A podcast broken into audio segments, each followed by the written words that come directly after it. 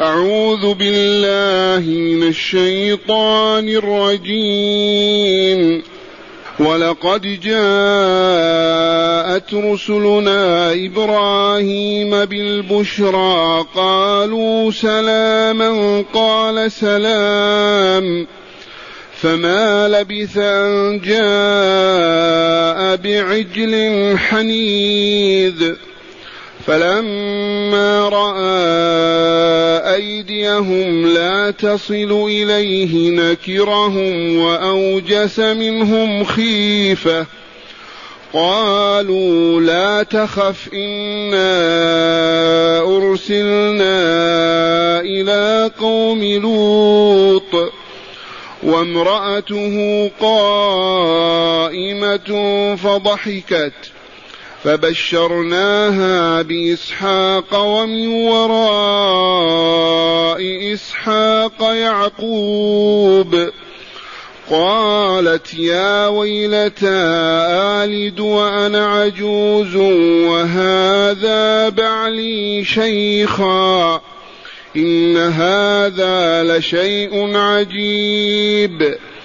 قالوا أتعجبين من أمر الله رحمة الله وبركاته عليكم أهل البيت إنه حميد مجيد.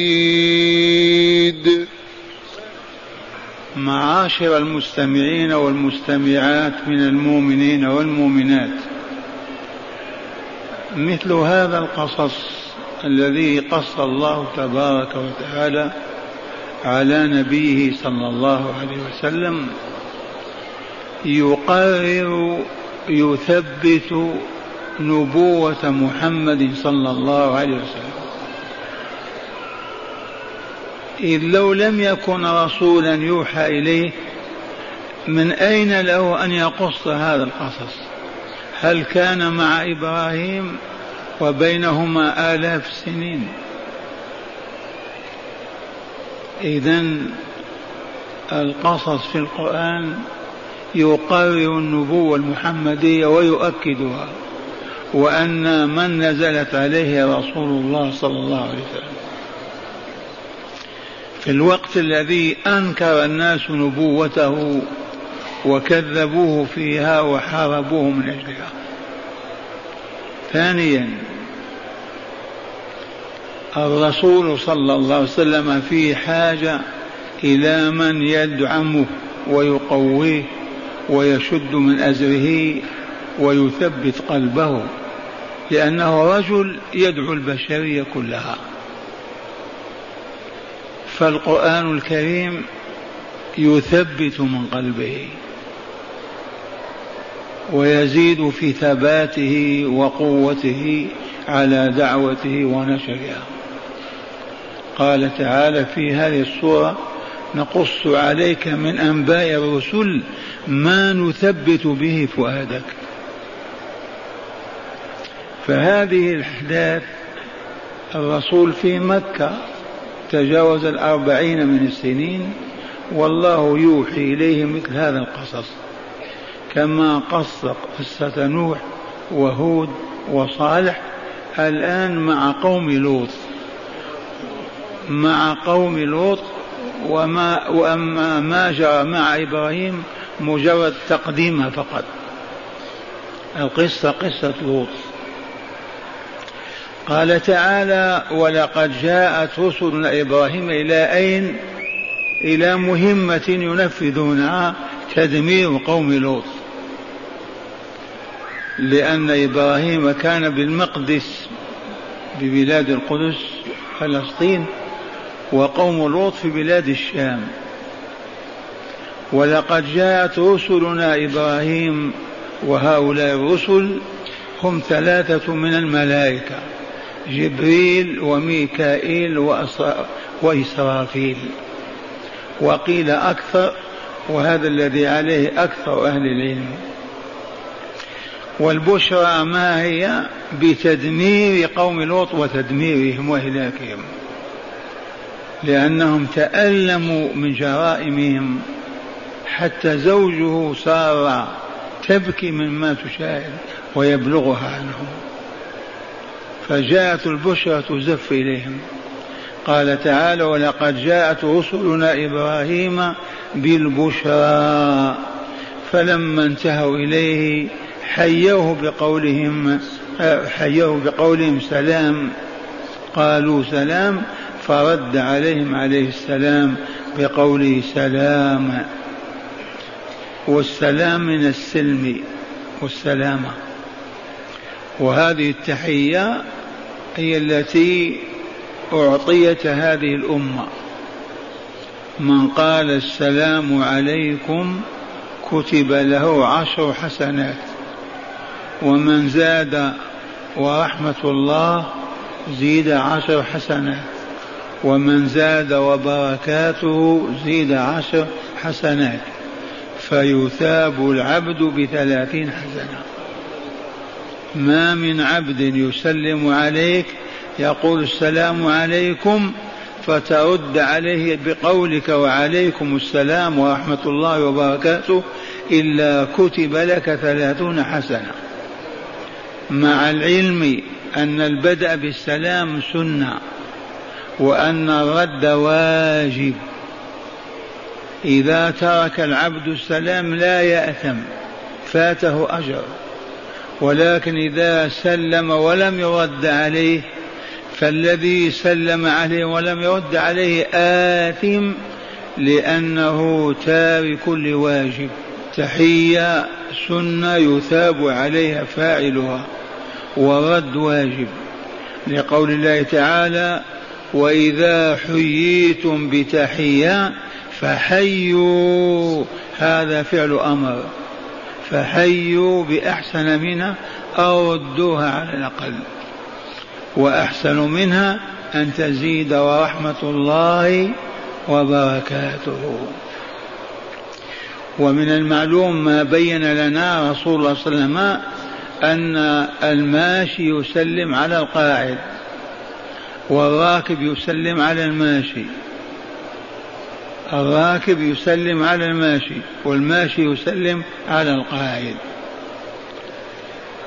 ولا نفاضل بين الناس هذا نسلم عليه وهذا لا نسلم عليه بل نسلم على من نعرف وعلى من لا نعرف. هذه التحية التي فضل الله تعالى بها على كثير من الأمم أعطانها الله فلا نفرط فيها. وقوله تعالى فما لبث أن جاء بعجل حنيذ ما لبث أي زمنا طويلا دقائق فقط لما فاجأه الضيف ودخلوا عليه. ما هي إلا لحظات وخرج إلى بيته وعنده عجل فذبحه أو كان مذبوحا فشواه على الحجارة الرمض الحارة وقدمه إليهم. وإلى الآن الشيء على النار ليس بأطيب من المشوي على الحجارة. أنقى وأنظف وأطيب وأطيب.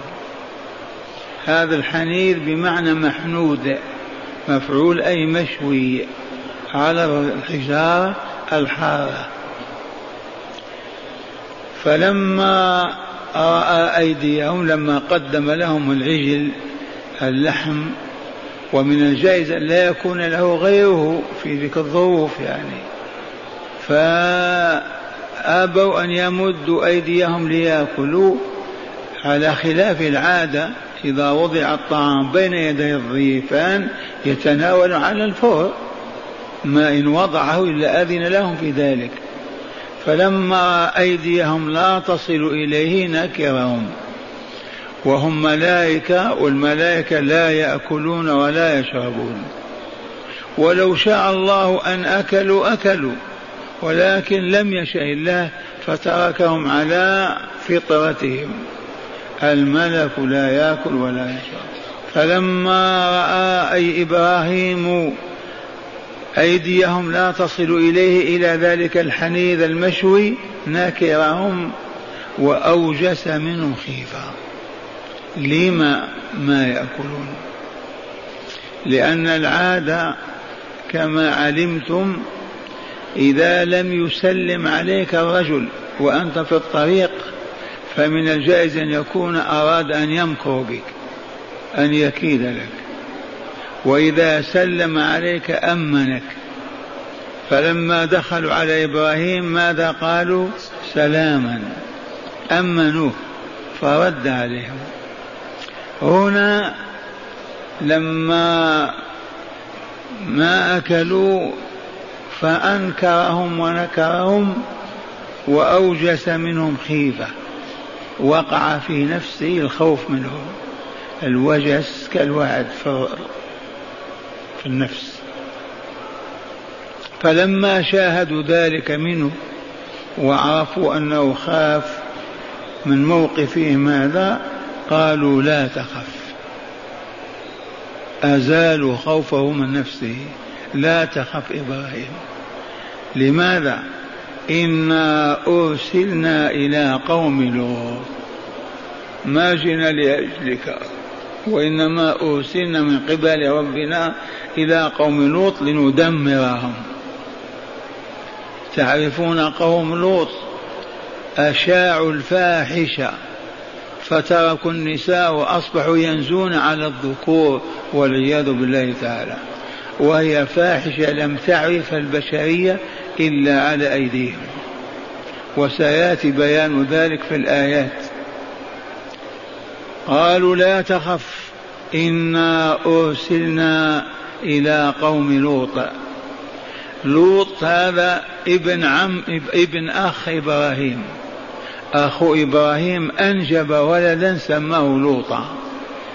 فلوط ابن أخ إبراهيم إذا فإبراهيم عم لوط. وخرج معه كما علمنا من بابل لما حكموا عليه بالإعدام وما استطاعوا فشلوا. ما كان إلا أن خرج إبراهيم معه لوط ابن أخيه ومعه زوجته سارة عليه السلام ثلاثة أنفار. تركوا العراق ودخلوا الشام. وعرفنا كيف مشى إلى مصر وكيف حصل مع هاجر كما تقدم. قالوا لا تخف إنا أرسلنا إلى قوم لوط أي لتدميرهم وإنهاء وجودهم لإجرامهم وظلمهم الفاسد. قال تعالى والحال وامرأته قائمة. امرأة من؟ امرأة إبراهيم. ما اسمها؟ سارة من السرور. وامرأته قائمة على ستارة. تنتظر ماذا يأمرها زوجها فتقدمه للضيفان. وامرأته قائمة فضحكت. لما علمت أن هؤلاء الملائكة جاءوا لتدمير المجرمين والقضاء على المفسدين ضحكت لذلك وفرحت. ولا التفات إلى من فسر الضحك بالحيض. ولا داعي إلى هذا. وإنما فرحت بهلاك ودمار قوم لوط الذين آلمهم فعلهم وتألموا له سنين. فضحكت إذا فبشرناها بإسحاق وإسحاق ولدها. وسبق أن ولدت هاجر إسماعيل. هاجر المصرية القبطية ولدت إسماعيل وسار ما ولدت والآن آن أوان ولادتها. خدمت الملائكة هذه الخدمة وفرحت بما جاءوا به من رسالة فبشروها إذن بإسحاق. فبشروا فبشر فبشر فبشرناها بإسحاق ومن وراء إسحاق يعقوب. هذه البشرى لا يقوى عليها أحد إلا الله. كون يبشرها بولد ويكبر الولد ويتزوج ويولد له ولد واسمه يعقوب. لا يقدر على هذا إلا الله. فبشرناها بإسحاق ومن بعد إسحاق يعقوب. ثم كل الأنبياء والرسل من أولادها. إذا فبشرناها بإسحاق ومن وراء إسحاق يعقوب. وهنا ما ننسى أن سن إبراهيم فوق المئة وأن سن هي تسعون سنة. والمرأة عادة إذا بلغت الخمسين انتهى الحيض والحمل. لكن بلغت المئة وإبراهيم تجاوز المئة والثلاثين. إذا فضحكت فبشرناها بإسحاق. ضحكت لماذا؟ فرحا بتدمير الظالمين والفاسقين. فبذلك بشرناها بإسحاق ومن وراء إسحاق يعقوب. قالت يا ويلتى والأصل يا ويلي يا ويلي وزيدت يا ويلتي وقيل يا ويلتى احضري. هذا أوان حضورك. متعجبة. كيف؟ وأنا في المئة في التسعين كيف أنجب؟ كيف آتي بولد؟ آلد وأنا عجوز. يضحك الناس عني. كيف يتم هذا؟ آلد وأنا عجوز وهذا بعلي شيخا. بعلها زوجها البعل دائما يطلق على الزوج. وهذا بعلي شيخا تجاوز المئة. كيف يتم هذا؟ قالوا أي الملائكة أتعجبين من أمر الله؟ ما من حقك تعجبين من الله؟ هذا الاستفهام للإنكار. كيف تعجبين من أمر الله؟ والله يخلق ما يشاء ويقول للشيء كن فيكون. قالوا أتعجبين من أمر الله؟ رحمة الله وبركاته عليكم أهل البيت. دعوة الملائكة دعوة الملائكة لإبراهيم وأسرته. رحمة الله وبركاته عليكم أهل البيت. وهنا امرأته سماها أهل بيت إبراهيم فعائشة إذن هي أهل البيت فأزواج الأنبياء هم أهل البيت فلا يصح لأحد أن يخرجهم. هنا قال سلام عليكم ورحمة الله وبركاته عليكم أهل البيت. يعنون صار وإلا لا؟ هي أهل البيت. نعم إبراهيم صاحب البيت وهذه زوجته وأولاده كلهم أهل البيت. وهذه الدعوة كما قدمنا كانت سبب في انتشار الأنبياء والرسول من بني إسرائيل من عهد إبراهيم إلى نبينا محمد صلى الله عليه وسلم. من هذا البيت؟ دعوة الله استجابها الله. قالوا أتعجبين من أمر الله؟ رحمة الله وبركاته عليكم. أهل البيت أي يا أهل البيت إنه أي الرب تبارك وتعالى حميد بعظائم وجلاء الإحسان وإفضال وإنعامه مجيد ذو الكرم والمجد والشرف والكمال. أسمعكم تلاوة الآية مرة. ولقد جاءت رسلنا إبراهيم بالبشرى. ما هذه البشرى بتدمير الظالمين وهلاك الفاسقين. قالوا سلاما قال سلام. سلموا على إبراهيم فرد السلام عليهم وتلك سنتنا والا لا. فما لبث أن جاء بعج حنيذ. هنا بيان فضيلة الضيافة. وقد قال رسولنا صلى الله عليه وسلم من كان يؤمن بالله واليوم الآخر فليكرم ضيفه واختلف هل الضيافه في المدن والقرى والبوادي أو هي في البوادي والقرى. الصحيح أنها في الكل ولكن أهل المدن معذورون. إذ المدينة فيها مساكن فيها مطاعم فيها أسواق فيها يستطيع الضيف أن يجد ما يأكل وأين يبيت. لكن إذا جاك في قرية ما فيها مطعم ولا دكان يبيع خضر ولا فاكهة. كيف يصنع؟ أين يأكل؟ عند أهله. إذا جاء في بادية من باب أولى وجوبا. لكن في المدن خف هذا الواجب. لأن العلة ما هي؟ لما ينزل علينا رجل في قريتنا ما فيها مطعم ولا دكان ولا أهل القرية يأكلون في بيوتهم ويعملون في مزارعهم. فماذا يصنع هذا الضيف؟ يموت جوعا يجب أن يطعموه وجوبا وليكرموه. يوم ليلة وزيادة يومين من باب الفضل. فما لبث أن جاء بعجل حنيذ فلما رأى أيديهم لا تصل إليه نكرهم وأوجس منهم خيفة قالوا لا تخف انا ارسلنا من قبل ربنا إلى قوم لوط وامراته قائمه وراء الستار مستعدة للخدمة فضحكت فرحا بماذا؟ بتدمير الفسق والفجر. قوم لوط. فبشرناها بتلك الفرحة ببشر أخرى بإسحاق ومن وراء إسحاق يعقوب. فقالت يا ويلتى أألد وأنا عجوز وهذا بعلي شيخا. إن هذا لشيء عجاب. أرد عليه الملائكة ماذا قالوا؟ أتعجبين من أمر الله؟ كيف هذا؟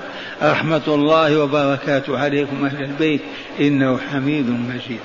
أسمعكم شرح الآيات من الكتاب أيضا لنزداد علما وبصيرة معنى الآيات هذه بشارة إبراهيم عليه السلام التي يبشره الله تعالى بها إذ قال تعالى ولقد جاءت رسلنا إبراهيم بالبشرى والمراد بالرسل جبريل وميكائيل وإسرافيل.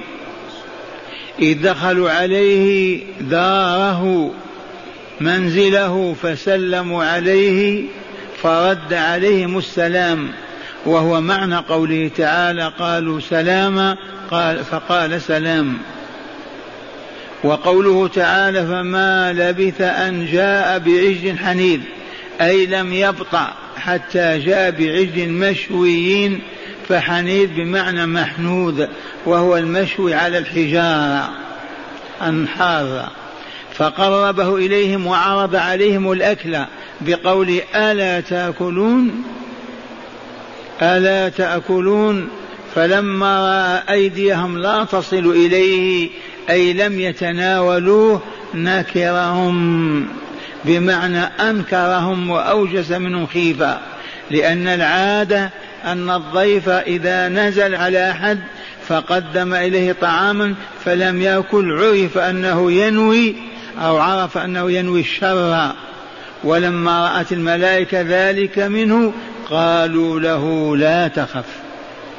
وبينوا له سبب مجيئهم فقالوا إنا أرسلنا إلى قوم لوط أي لإهلاكهم وتدميرهم بسبب جرائمهم أو بسبب إجرامهم وكانت امرأته قائمة وراء الستار تخدمهم مع إبراهيم فلما سمعت فلما سمعت بنبأ هلاك, قوم لوط ضحكت فرحا بهلاك أهل الخبث.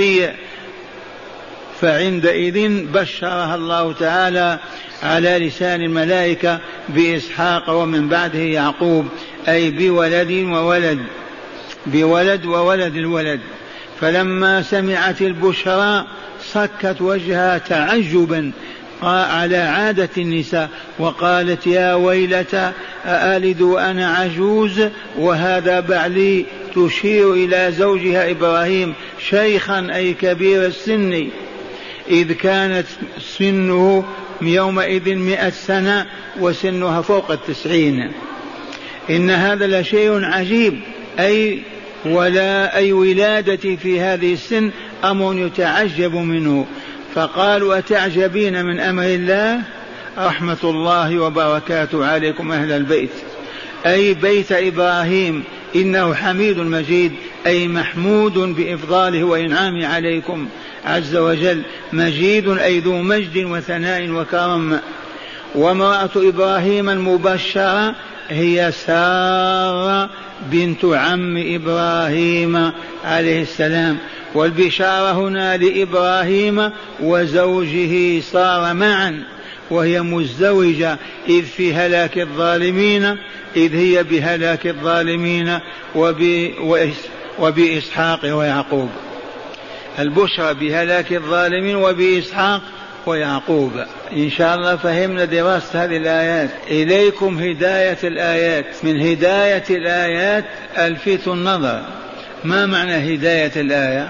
علامة تهدي إلى الإيمان بالله ولقائه الإيمان بالله ورسوله. ما من آية في القرآن إلا وهي تدل دلالة قطعية على وجود الله وعلمه وقدرته وعلى صدق نبوة رسوله وعلى صحة معتقد البعث الآخر. كما أن الآيات الكونية كل آية والله تدل على ذلك. أرني آية حبة تمر فقط. من صنعها؟ لما صنعت؟ من أوجدها؟ موجدها عليم حكيم رحيم قدير موجود. إذا هي تقول لا إله إلا الله. انظر إلى كوكب إلى زهرة إلى نعجة إلى قطة فقط. تأمل هذه آية هذه. تدل على ماذا؟ على موجد عليم حكيم قدير على إيجادها. مستحيل أن توجد بدون موجد. فهمتم؟ كل آية في القرآن تدل على أنه لا إله إلا الله محمد رسول الله. وكل آية في الكون تدل على أنه لا إله إلا الله محمد رسول الله صلى الله عليه وسلم. ومن آمن بالله آمن برسوله. قال من هداية الآيات أولا استحباب تبشير المؤمن بما هو خير له. ولو بالرؤيا الصالحة. استحباب تبشير المؤمن بما هو خير له ولو برؤيا الصالحة. ما معنى هذا؟ يستحب لنا أن يبشر بعضنا بعضا ولو برؤيا صالحة نراها ونبشر بها إخواننا. ما بشر الملائكة؟ إبراهيم وسارة. ثانيا مشروعية السلام لمن دخل على غيره. أو وقف عليه أو مر به وهو ووجوب رد السلام كما قدمنا. السلام يسلم الراكب على الماشي. أنت راكب والماشي يمشي تسلم عليه. يسلم الماشي على القاعد. ما دام هو قاعد وأنت ماشي سلم عليه. السلام سنة والرد واجب. ويسلم القليل على الكثير. قليل يسلم على الكثير. والكبير على الصغير. الحديث. الكبير يبدأ السلام على الصغير. قال ثالثا مشروعية خدمة أهل البيت لضيوفهم ووجوب إكرام الضيف. وفي الحديث الصحيح من كان يؤمن بالله واليوم الآخر فليكرم ضيفه. من كان يؤمن بالله واليوم الآخر فليكرم ضيفه. والضيافة يوم ليلة وتستحب ثلاث أيام. رابعا شرف أهل بيت إبراهيم عليه السلام. أما قال تعالى ورحمة الله وبركاته عليكم أهل البيت واللطيفة التي ما ننساها وهي أن نساء النبي من أهل بيته. ما تستطيع أن تخرج عائشة وإلا فلان وتقول لا هذه ليس من أهل البيت. أهل البيت هم الرجل وزوجته وأولاده.